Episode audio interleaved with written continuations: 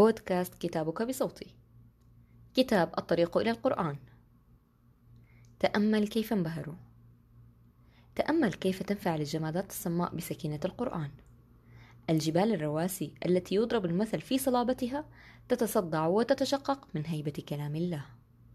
وتأمل كيف انبهر نساء المشركين وأطفالهم بسكينة القرآن.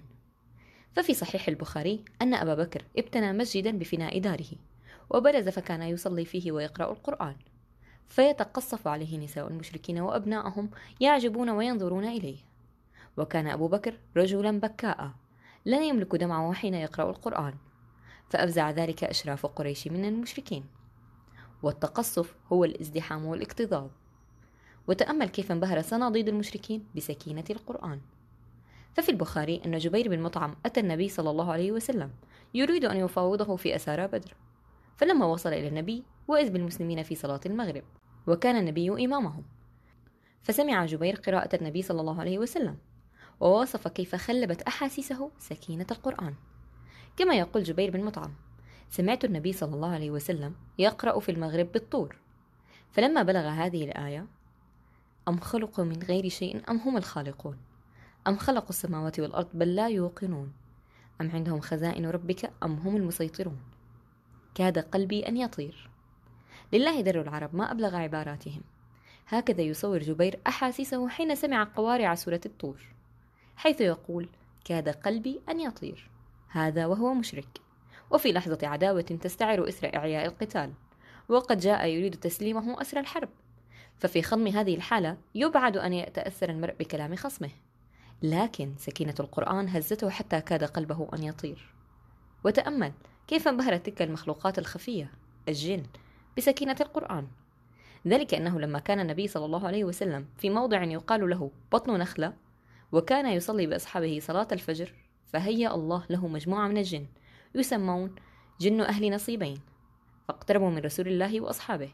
فلما سمعوا قراءة النبي في الصلاة انبهروا بسكينة القرآن وأصبحوا يوصون بعضهم بالإنصات كما يقول تعالى وإذ صرفنا إليك نفرا من الجن يستمعون القرآن فلما حضروه قالوا أنصتوا. سورة الأحقاف. وأخبر الله في موضع آخر عن ما استحوذ على هؤلاء الجن من التعجب. فقال تعالى قل أوحي إلي أنه استمع نفر من الجن فقالوا إنا سمعنا قرآنا عجبا. وتأمل كيف انبهر صالحو البشر بسكينة القرآن. فلم تقتصر آثار الهيبة القرآنية على قلوبهم فقط بل امتدت إلى الجلود فصارت تتقبض من آثار القرآن. وتأمل كيف انبهر صالحو أهل الكتاب بسكينة القرآن.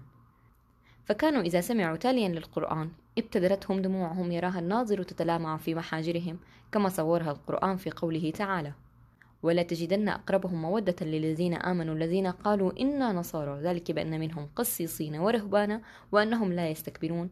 وإذا سمعوا ما أنزل إلى الرسول ترى أعينهم تفيض من الدمع. سورة المائدة.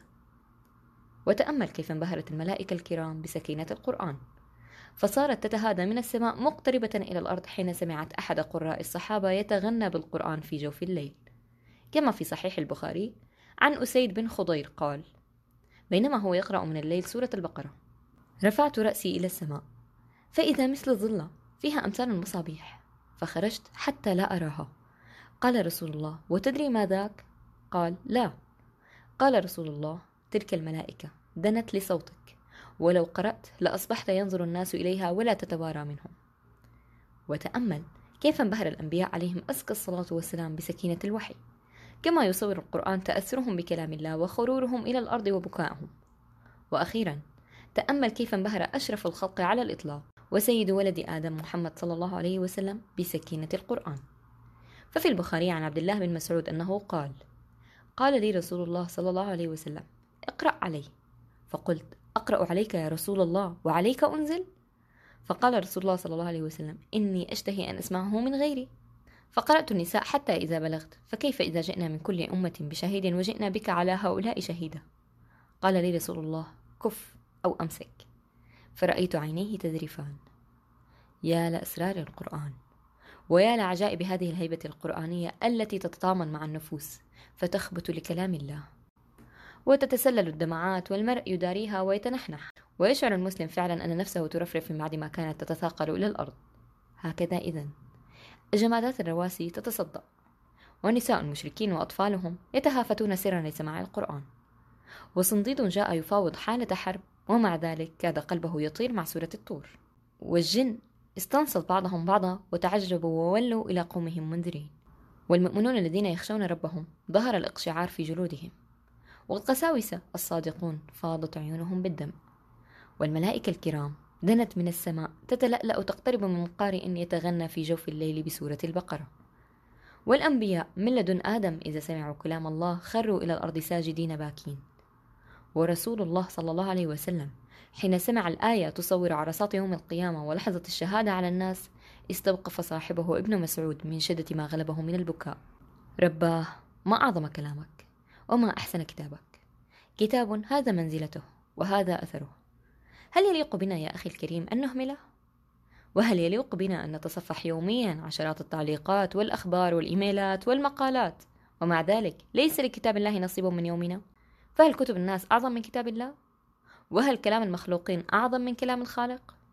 وهل روايات الساردين أعظم من قصص القرآن؟ لقد اشتكى رسول الله صلى الله عليه وسلم من كفار قومه حين وقعوا في صفة بشعة فوا حسرتاه إن شابهنا هؤلاء الكفار في هذه الصفة التي تذمر منها رسول الله صلى الله عليه وسلم وجأر بالشكوى إلى الله منها.